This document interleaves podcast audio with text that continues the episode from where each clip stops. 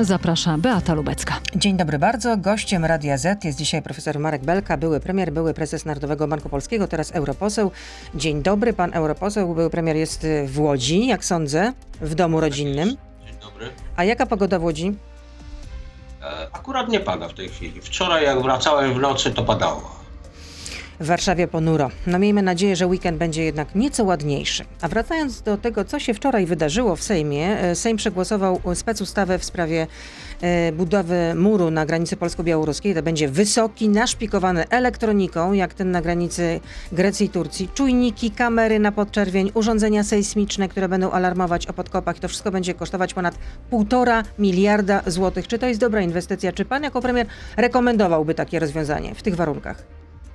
Ja bym rekomendował przede wszystkim rządowi polskiemu, aby y, sprawę o, y, ochrony polsko-białoruskiej granicy, y, jeżeli nie całkowicie, to przynajmniej częściowo powierzył Frontexowi, czyli unijnej agencji do spraw ochrony granic. W ten sposób y, mielibyśmy z głowy te, część tego odium, które na nas spada w kraju i za granicą, związane z y, działaniami wobec y, tych y, nieszczęśników. Wzięliby to na siebie ludzie, no jakby to ci profesjonalnie zaprawieni do tego, którzy przecież mieli do czynienia z bardzo trudnymi, o wiele trudniejszymi sytuacjami, na przykład na Lampedusie czy na Wyspach Greckich. No ale władza mówi, że sobie doskonale radzi. A ja pytam o ten mur. Czy on jest konieczny, czy nie? Gdyby pan był premierem, czy pan by rekomendował takie rozwiązanie? Trudno mi powiedzieć. Yy, Pewno nie, dlatego że yy, każdy mur, yy, jakby to powiedzieć, z historii Polski wiemy, łatwo przeskoczyć. Więc to jest tylko taka, bym powiedział, no, PR-owska operacja, która chce pokazać, yy, która mia, ma pokazać społeczeństwu, że o, proszę bardzo, bronimy granicy białoruskiej jak, yy, no nie wiem, jak niepodległości. Czyli gdyby pan był premierem, nie stawiałby pan takiego muru. Przynajmniej nie, nie, nie wnioskowałby pan o takie rozwiązanie. No, według Donalda Tuska to zamiast muru będzie wielki wał. O co chodzi? Że do, zam- do zamówień związanych z budową bariery nie będzie stosowane prawo zamówień publicznych, a kontrolę zamówień będzie sprawować CBA. No, to zresztą nie pierwszy raz, bo większość, e, e, większość e, przetargów, których nie było, znaczy zakupów, które dokonuje albo Ministerstwo Obrony Narodowej, albo Ministerstwo Spraw Wewnętrznych, według takich szczególnych, że tak powiem, procedur się, się przeprowadza. No i rzeczywiście wtedy zamiast muru powstaje wał. No. A kiedy pan ostatnio na stacji benzynowej tankował? Czy pan w ogóle ma samochód? Bo nie widziałam w oświadczeniu majątkowym. Więc może nie ma pan samochodu. Rzadko, Nie tankuje. dlatego że ja raczej przebywam w Brukseli, gdzie nie potrzebuję samochodu. Ale jest... Dokąd lata pan samolotem? No właśnie, czyli też zanieczyszczam, że tak powiem, planetę i no niestety. E, Natomiast bardzo różnie, ja nie mam, no, najbliżej, najbliżej mojego domu jest stacja benzynowa e, Amik, to chyba kiedyś był Lukoil, czy Bukoil. I tam benzyna jest po ile? Słucham? I tam benzyna jest po ile? Już przekroczyła 6 zł, czy nie? Ale sięga już 6 zł, ta, mm, znaczy diesel, bo ja niestety, ale znów, e, jeżeli już jeżdżę samochodem bardzo rzadko, to, to mam samochód z silnikiem diesla. Poniżej 6 zł, ale już sięga, już A dlaczego rząd nie obniża akcyzy? Brakuje odwagi rządowi, czy też jest to im na rękę, czy też to jest po prostu zdrowy rozsądek? Bo 10 lat temu, kiedy była taka sytuacja, że litr benzyny kosztował wtedy 5, 5 zł 40 groszy, no to wtedy Jarosław Kaczyński, e, będący w opozycji, mówił, że mm, koszty paliwa to połowa podatki, więc y, trzeba obniżyć akcyzy, ale do tego potrzeba odwagi. Więc teraz brakuje rządowi odwagi? Myślę, że pieniędzy brakuje. Odwagi też, ale i pieniędzy brakuje. Myślę, że tak naprawdę sytuacja budżetowa jest znacznie poważniejsza niż tam się to przedstawia. E, Zresztą to nie jest e, e, niespodzianka, no bo przecież koszty obrony przed pandemią, czyli tych słynnych tarcz, e, to są rzeczy, które trzeba było ponieść, więc ja tutaj nie oskarżam rządu. Natomiast trzeba po prostu jasno i e, przejrzyście powiedzieć, e, gdzie jesteśmy i jaki będzie e, w związku z tym, jakie będą konsekwencje, po, chociażby w, po, w, po, e, w, w postaci podniesienia podatków, czy, czy, czy, czy, czy właśnie tego rząd PiSu nienawidzi obniżenia pewnych wydatków. A czy coś się da z, zrobić z drożyzną? Prąd na przykład też ma pójść w górę. No, no będą rekompensaty dla najuboższych gospodarstw. Około pół miliona gospodarstw ma zostać objętych tą pomocą państwa. E, jeżeli to ma być przejściowe, to ja nie miałbym nic przeciwko temu, ale to musi być wyraźnie powiedziane, na przykład na pół roku czy na rok, dlatego że e, takie mm, subsydia, takie dopłaty e, związane z ceną energii to jest fatalna sprawa z różnych powodów, nie będę w tej chwili rozwijał. Natomiast o ile wiem, w Polsce w dalszym ciągu obowiązuje akcyza na energię elektryczną. No, więc można ją e, po prostu zlikwidować czy obniżyć. A jeśli chodzi o przyszłoroczny budżet, bo rozpoczęły się prace w Sejmie nad przyszłorocznym budżetem, no i Jarosław Gowin mówi, że to jest budżet na sterydach inflacji. Były wicepremier zresztą w tym rządzie. Były, bo już jest poza rządem. Za to politycy Prawa i Sprawiedliwości mówią, że to jest budżet rozwojowy. No to jaki on jest? Bardziej na sterydach czy, czy rozwojowy?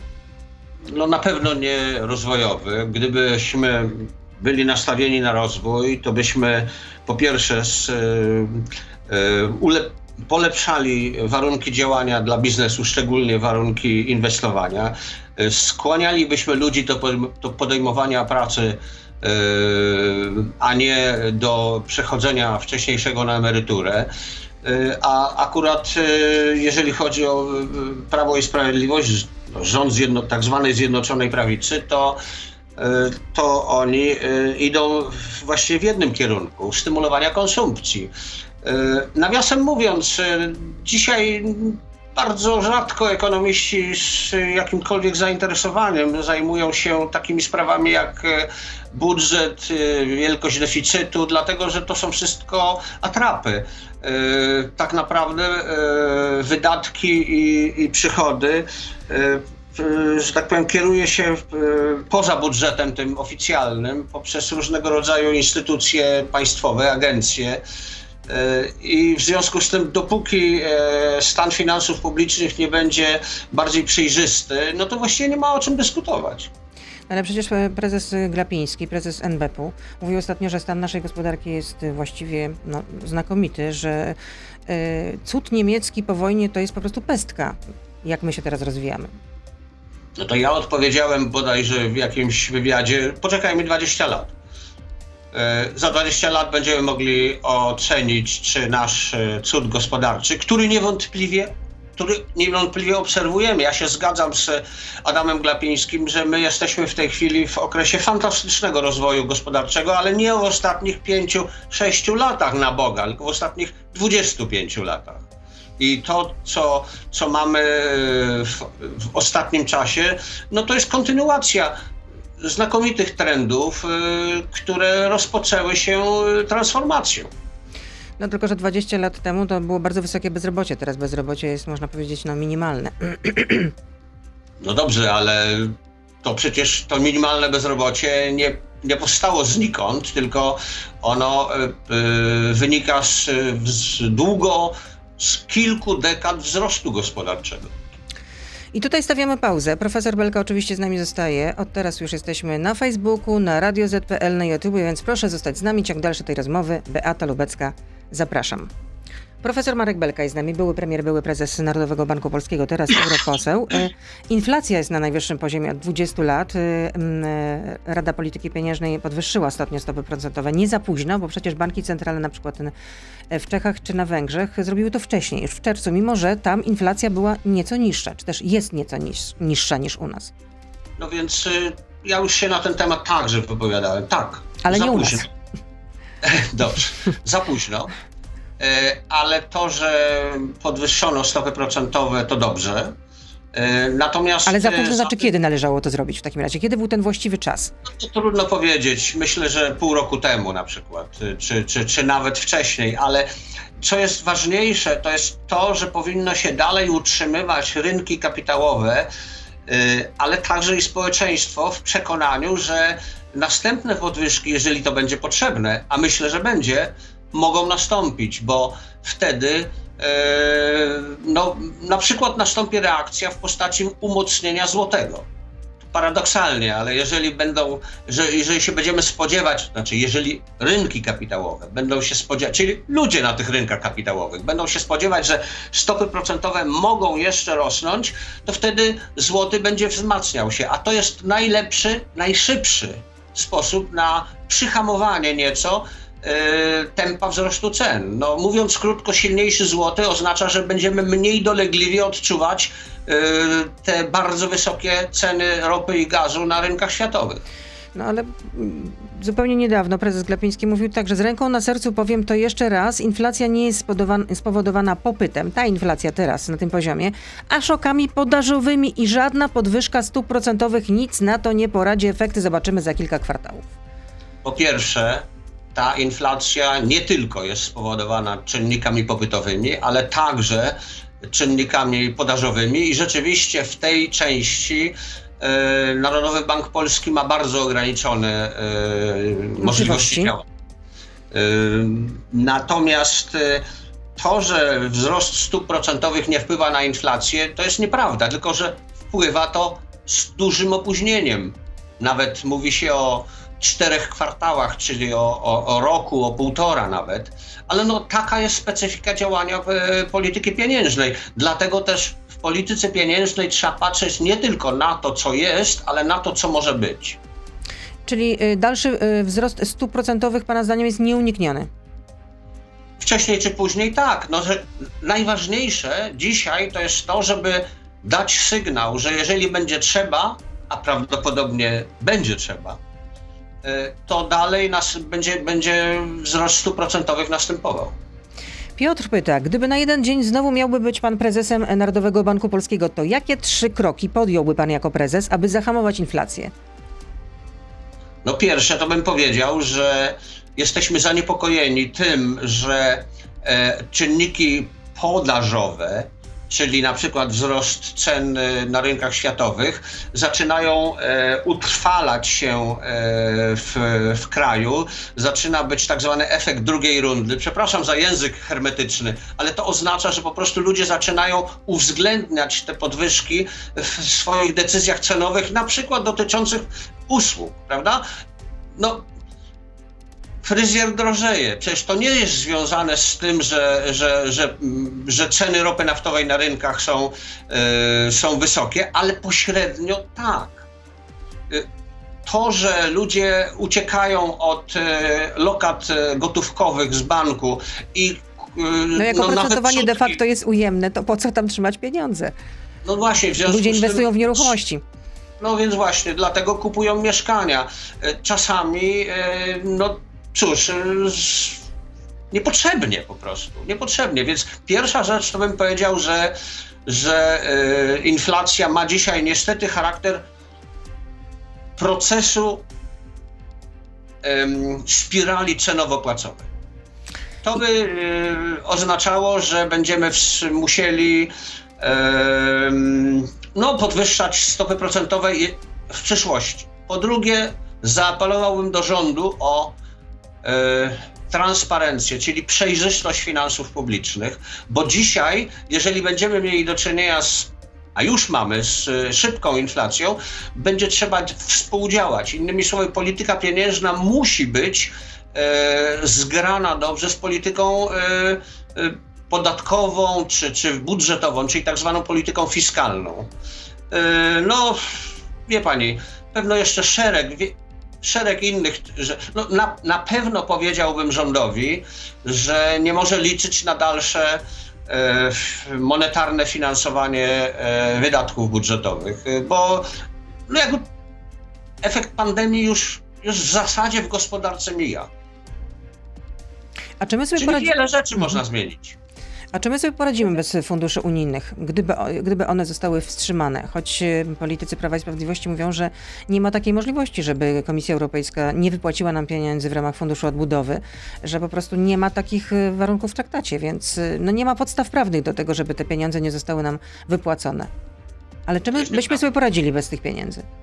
To jest nieprawda, że nie ma takich podstaw prawnych.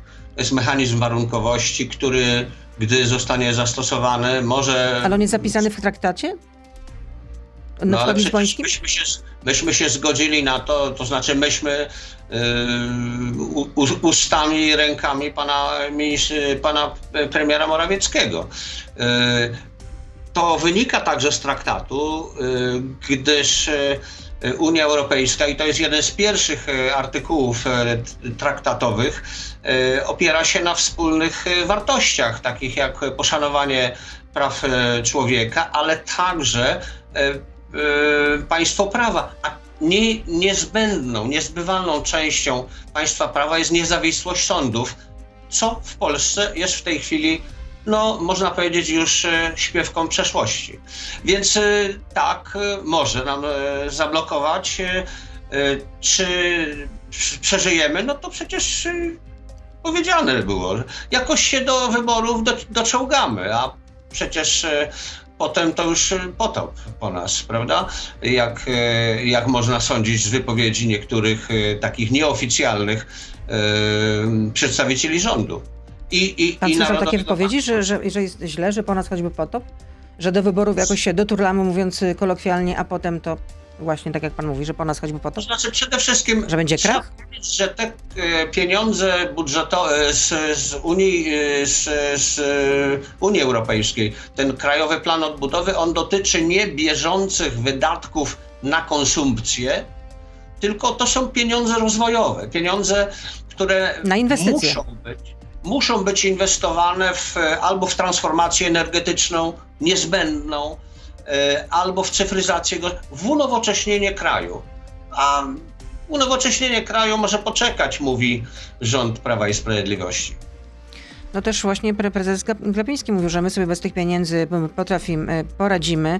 Jak to powiedział, że nasze środki są ogromne, bez środków zagranicznych jesteśmy w stanie dokonać rozbudowy energetyki jądrowej, bez środków unijnych, które te, którymi teraz się nas szantażuje, jesteśmy sobie w stanie sami zapewnić ten dynamiczny rozwój. Czy jesteśmy sobie w stanie zapewnić ten dynamiczny rozwój no bez i pieniędzy? Z, tego rodzaju wypowiedzi to prowadzą jednoznacznie do tego, wyjdźmy z Unii Europejskiej ona nam tylko przeszkadza. Do niczego nam nie jest potrzebna, tylko nam przeszkadza. I potem się opowiada, że opozycja straszy polexitem, że to jest demon, że to jest y, ten słynny jak wiatrak, prawda, Don Quixota. Y, oczywiście, że nie. Jeżeli coś chodzi jak kaczka, jeżeli coś kwacze jak kaczka, to Amerykanie mówią, to jest kaczka. Właśnie mamy do czynienia z tego rodzaju sytuacją. Rząd PiSu i Prawo Sprawiedliwość jako partia, a zresztą jeszcze y, przystawki najbardziej, że tak powiem, y, tutaj są, y, że tak powiem, agresywne. Solidarna Wręcz... Polska, rozumiem, pan ma na myśli. No tak, tak, ale po co im robić dodatkową, że tak powiem, reklamę? reklamę? To przystawka. Właściwie to, jak niektórzy mówili, że to nie jest ogon, który macha psem, tylko to jest pchła na ogonie, który macha psem. E, które macha psem. Więc e, jeżeli się ciągle opowiada ludziom, nam nic nie jest potrzebne, to jest szantaż, ba, niektórzy nawet e, co mądrzejsi, ha, ha, ha, przedstawiciele władzy mówią, że to są okupanci brukselscy, no to przecież do ciężkiej cholery, czy to nie wynika z tego chęć opuszczenia Unii Europejskiej? Oczywiście, że wynika. I, i nie należy e, wierzyć w to, co się mówi e, dla potrzeb znów e, uspokojenia opinii publicznej. No ale wczoraj w Sejmie mówił pan premier bardzo wyraźnie i dobitnie i ostro, że hasło Polexit nie zrodziło się w naszym rządzie, zrodziło się w chorej wyobraźni waszych PR-owców. Ulepiliście sobie takiego demona i walczycie z nim niby Don Kiszot z wiatrakami. No więc właśnie ja cały czas o tym mówię. Jeżeli ktoś wygląda jak kaczka, chodzi jak kaczka i kwacze jak kaczka, to jest kaczka. A oni nic innego nie robią, tylko nam te Unie obrzydzają. No ale nie można nas z Unii wyrzucić. Sami musielibyśmy to postanowić. No, no ale jak, jak dobrze po prostu namieszamy ludziom w głowach, jak w pewnym momencie e, zaczniemy, że tak powiem, kuleć gospodarczo ze względu na e, brak e, Unii, znaczy brak funduszy, ale przede wszystkim, może najważniejszą rzeczą, najważniejszą korzyścią z, Unii, z bycia w Unii Europejskiej jest dostęp do wspólnego rynku. Proszę, pani redaktor, rolnicy dostają rocznie około 14 miliardów złotych e, dopłat. dopłat bezpośrednich. To jest wielka suma. ale my eksportujemy żywności i produktów żywnościowych rocznie 160 miliardów. Miliardów. Czyli 11 razy więcej. Wyobraża sobie pani, gdyby tego eksportu nie było, albo gdyby on był połowę mniejszy, no katastrofa na wsi. No ale tego się nie mówi ludziom. A czy Donald Tusk jest odpowiedzialny za Brexit? Bo też to padły takie wczoraj z ust premiera oskarżenia pod y, adresem byłego y, szefa Rady Europejskiej.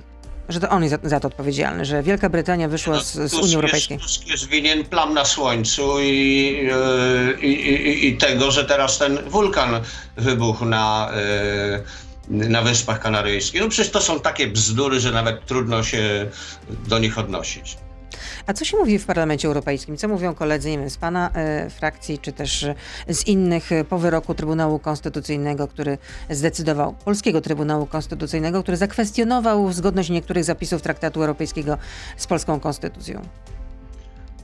To znaczy, mówiąc jednym zdaniem, mówi się, iż Polska rozpoczęła z Unią Europejską wojnę nuklearną, bo nigdy e, żaden, w, w, wbrew temu, co mówi minister Ziobro, żaden Trybunał Konstytucyjny w żadnym kraju nie podważył traktatów.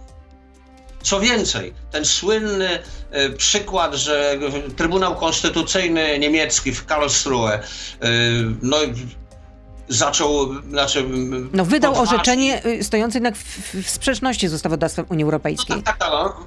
Znaczy, dotyczyło to w sumie sprawy podrzędnej, mianowicie skali zakupu e, Obligacji. papierów wartościowych przez, e, przez Bank Centralny e, Europejski. Bank Centralny, ale w orzeczeniu tegoż Trybunału jest kilkakrotnie podkreślane o wyższości prawa unijnego nad prawem narodowym. Więc jednym wielkim kłamstwem jest to, że my bronimy konstytucji, że o, no, po prostu cała sprawa jest, e, służy jednemu. Służy e, tak naprawdę dalszemu e, e, podporządkowywaniu sędziów, którzy według tego, tego orzeczenia nie mają w tej chwili prawa uciekać się, że tak powiem, do prawa europejskiego, do Trybunału Sprawiedliwości Unii Europejskiej w, w sytuacjach, kiedy jest sprzeczność polskiego prawa z, z unijnym. Jest kolejne pytanie od słuchacza. Bardzo. W każdym razie e, chciałem powiedzieć, że to jest traktowane bardzo poważnie. Myślę, że nigdy nie było tak poważnie traktowane jak teraz po tym orzeczeniu. E, To jest traktowane jako prowokacja ze strony rządu, ze strony Polski. Ja myślę, tak nawiasem mówiąc, że pan e, premier Morawiecki uległ szantażowi właśnie tej pchły, która na ogonie psa tam Hartuje. operuje, czyli, czyli Solidarnej Polski i poszedł w, w kierunku, który chyba albo nie przewidywał, e, że będzie miała takie konsekwencje, albo no, został, że tak powiem, dla celów wewnątrzpolitycznych, e, wewnątrzkrajowych zmuszony do pójścia w tym kierunku. Ja inaczej sobie tego nie mogę wyobrazić. Jest pytanie od słuchacza. mm, Czy po lekturze ostatniego Financial Times i ekonomista spodziewa się pan kolejnego odpływu inwestycji zagranicznych z Polski? To może przypomnijmy tylko naszym słuchaczom, że mm, na, w, ostatnio w takim okładkowym e, tekście brytyjski dziennik właśnie Financial Times, prestiżowy zresztą, napisał, że pojawiła się obawa, że polexit może być przestać ideą polityczną i dziennikarze tam też przypominają, że również Brexit zaczął się od prób renegocjacji stosunków z Unią Europejską. Dla wielkich korporacji, bo przecież chodzi tutaj o wielkie korporacje głównie, to one paradoksalnie się w mniejszym stopniu boją e, braku praworządności w Polsce. Dlatego, że one są na tyle silne, że rząd im nic nie może zrobić. Czy, albo niewiele. I, I jeżeli by zaczął majstrować, to może to grozić olbrzymimi karami e, międzynarodowymi. Jeżeli to jest inwestor japoński, koreański, to on patrzy przede wszystkim na dynamikę rozwoju gospodarczego, a ta jest imponująca w dalszym ciągu. I w związku z tym do niego dopiero musi dotrzeć e, z dużym opóźnieniem e, to, że Polska może być poza Unią Europejską. Rzeczywiście, gdyby Polska była poza Unią Europejską, to wtedy e, atrakcyjność inwestowania w naszym kraju by się gwałtownie obniżyła. A jeśli mówimy właśnie o, ten, mm, o tej dynam, o dynamice rozwoju, no bo wczoraj też e, usłyszeliśmy o założeniach na przyszły rok, e, że PKB Polski w 2022 roku urośnie o 4,6%, a średnioroczna inflacja ukształtuje się na poziomie 3,6%. Jak pan patrzy na te e, prognozy Ministerstwa Finansów? One są na wyrost, są realne? Jeżeli chodzi o wzrost PKB, można się spodziewać, że, że jeszcze w 2022 roku wzrost będzie właśnie no, około 5% nawet. Tak na przykład twierdzi Międzynarodowy Fundusz Walutowy. Natomiast inflacja 3,5, no włóżmy to między bajki. To raczej dwa razy wyższa może być. Chciałbym jeszcze na chwilę wrócić na nasze rodzime poletko. Przygląda się pan być może temu, co się dzieje na lewicy, bo mamy nową lewicę i dwóch współprzewodniczących. Jeden to Włodzimierz Czarzasty, drugi jest Robert Biedroń. Jak się panu podoba to przywództwo? Nie, nie mam żadnego komentarza. No dobrze, że, że, że znaczy sam fakt jednoczenia lewicy e, jest, e, jest niewątpliwie korzystny, natomiast e chciałbym, żeby to się zaczęło, że tak powiem, odzwierciedlać w sondażach, a na razie słabo. A wstąpiłby pan do takiej nowej lewicy? Nie, nie jestem członkiem nowej lewicy. Ja już do partii to za stary jestem. Bez przesady. No, Leszek Miller, e, były szef SLD, krytykował to, co się wydarzyło, to połączenie e, partii pół na pół. No, mają nieporównywalne aktywa, jeśli chociażby o liczbę członków. No, SLD ma zdecydowanie więcej. Miało, no teraz to już jak to ma nowa lewica. No i mm, były premier stawia taką tezę, że to wszystko po to, żeby Włodzimierz Czarzasty utrzymał władzę, bo bez głosów wiosny, no to nie zostałby wybrany na współprzewodniczącego, nie miałby szans. Wie pani co, ja naprawdę się tymi sprawami mniej interesuję. Dla mnie najważniejsze jest to, aby lewica znalazła swoje miejsce w, we froncie antypisowskim. To jest dla mnie absolutnie podstawowa sprawa. Może być w różnych sposób można to sobie wyobrazić, ale trzeba, żeby lewica pamiętała cały czas. Głównym przeciwnikiem jest Prawo i Sprawiedliwość. I dopóki te rządy trwają, nie ma mowy o realizacji podstawowych e, postulatów lewicowych. No, ale Leszek Miller właśnie stawia nawet tezę, że Nowa Lewica może wejść w jakiś alians, może tak nieformalny z PiSem, że kwestie programowe mogą nie być przeszkodą, czego, domowy, czego dowodem miał być los umowy y, z, w sprawie Funduszu Odbudowy.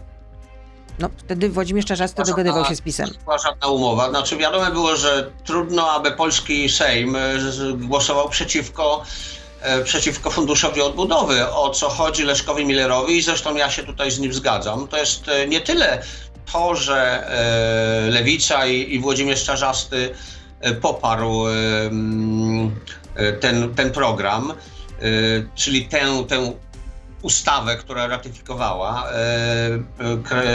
właśnie nie tyle Krajowy Plan Odbudowy, ile cały, cały ten program Next Generation EU, E, natomiast e,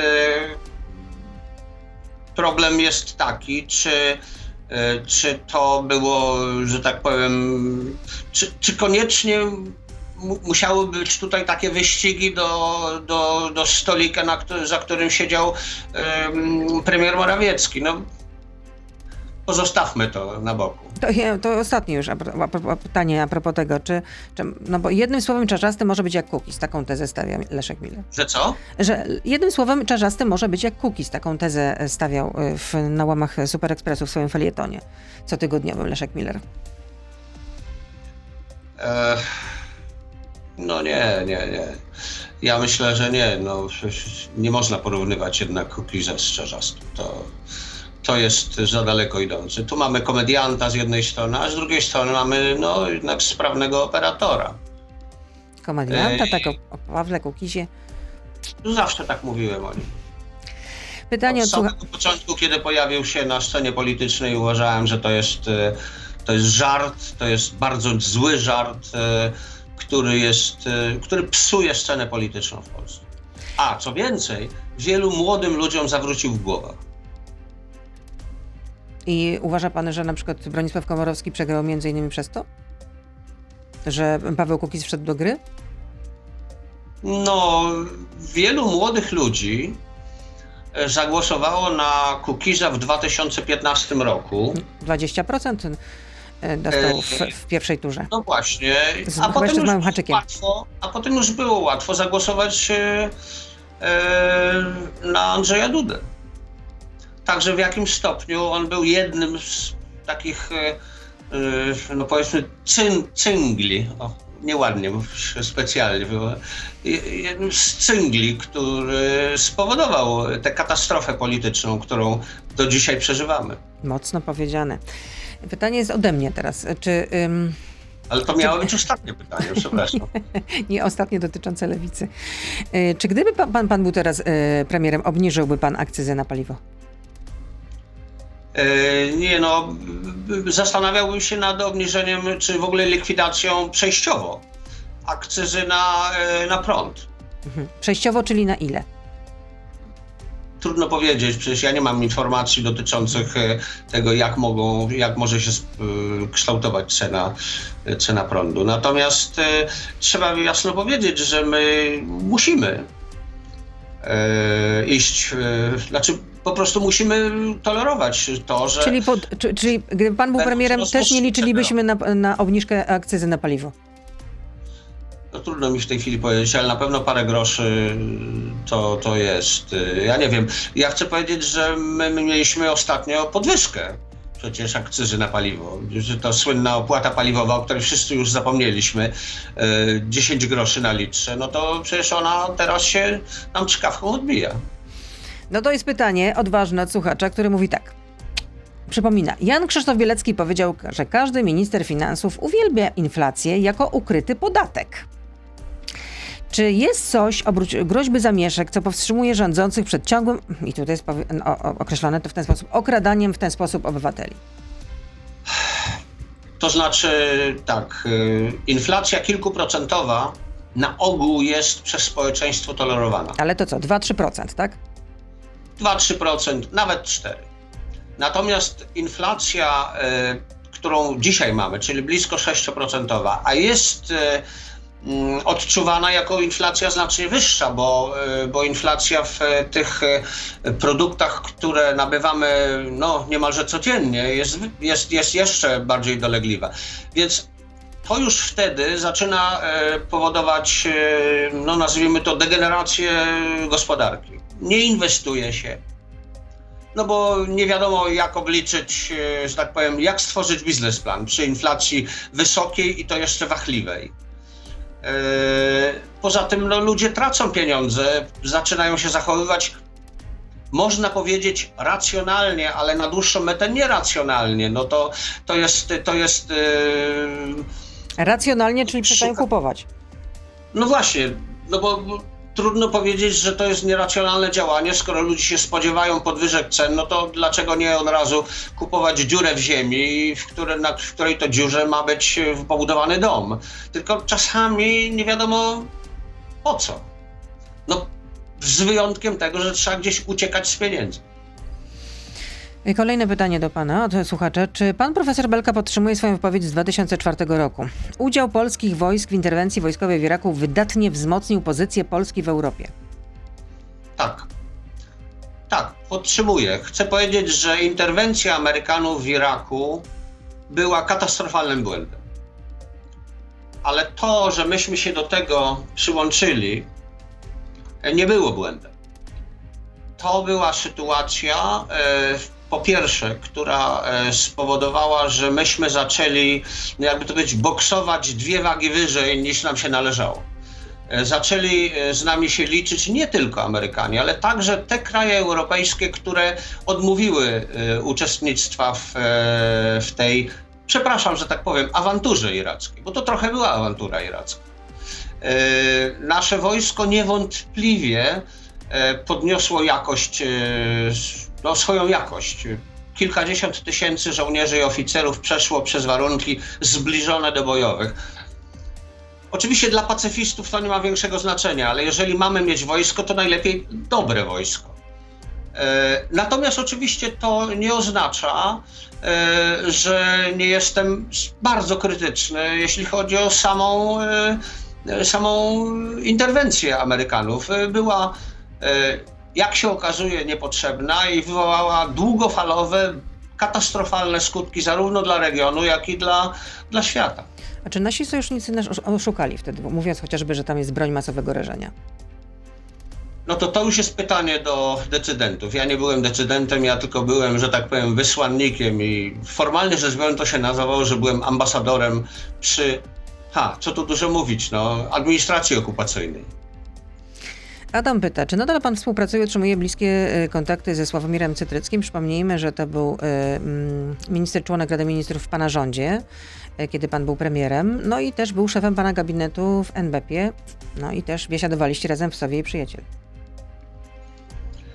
Utrzymuję z nim kontaktu, jesteśmy przyjaciółmi, natomiast to, to są kontakty rzadkie w tej chwili, bo, bo po prostu ja ciągle jestem w rozjazdach i nie mam czasu na kontakty osobiste. I jeszcze jedno pytanie, może pana zaskoczy. Mm, dlaczego lewica zrezygnowała ze zwrotów towarzysz, towarzyszka, a zastąpiła je zaimkami he, him, she, her, jednocześnie cytując Marksa? Jeszcze raz, jeszcze raz, bo ja Dlaczego bardzo... lewica zrezygnowała ze zwrotów towarzyszka, towarzysz, zastąpiła je zaimkami he, him, she, her, jednocześnie cytując Marksa? Nie wiem, zaskoczyła mnie pani, w ogóle nie wiem o co chodzi. To gdzie według pana zachodnia lewica popełniła błąd i nie należy je naśladować? O, to jest ciąg dalszy tego, tego pytania. Od słuchacza, Brzęczy Szczykiewicz. Lewica, to znaczy przede wszystkim rozróżnijmy socjaldemokrację, a uważam się za socjaldemokratę, e, od, e, od skrajnie lewicowych e, ugrupowań w, w także w Parlamencie Europejskim, to są, oni się albo nazywają po prostu komunistami, albo, albo socjalistami, albo jakoś inaczej. E, to trzeba rozróżnić, prawda?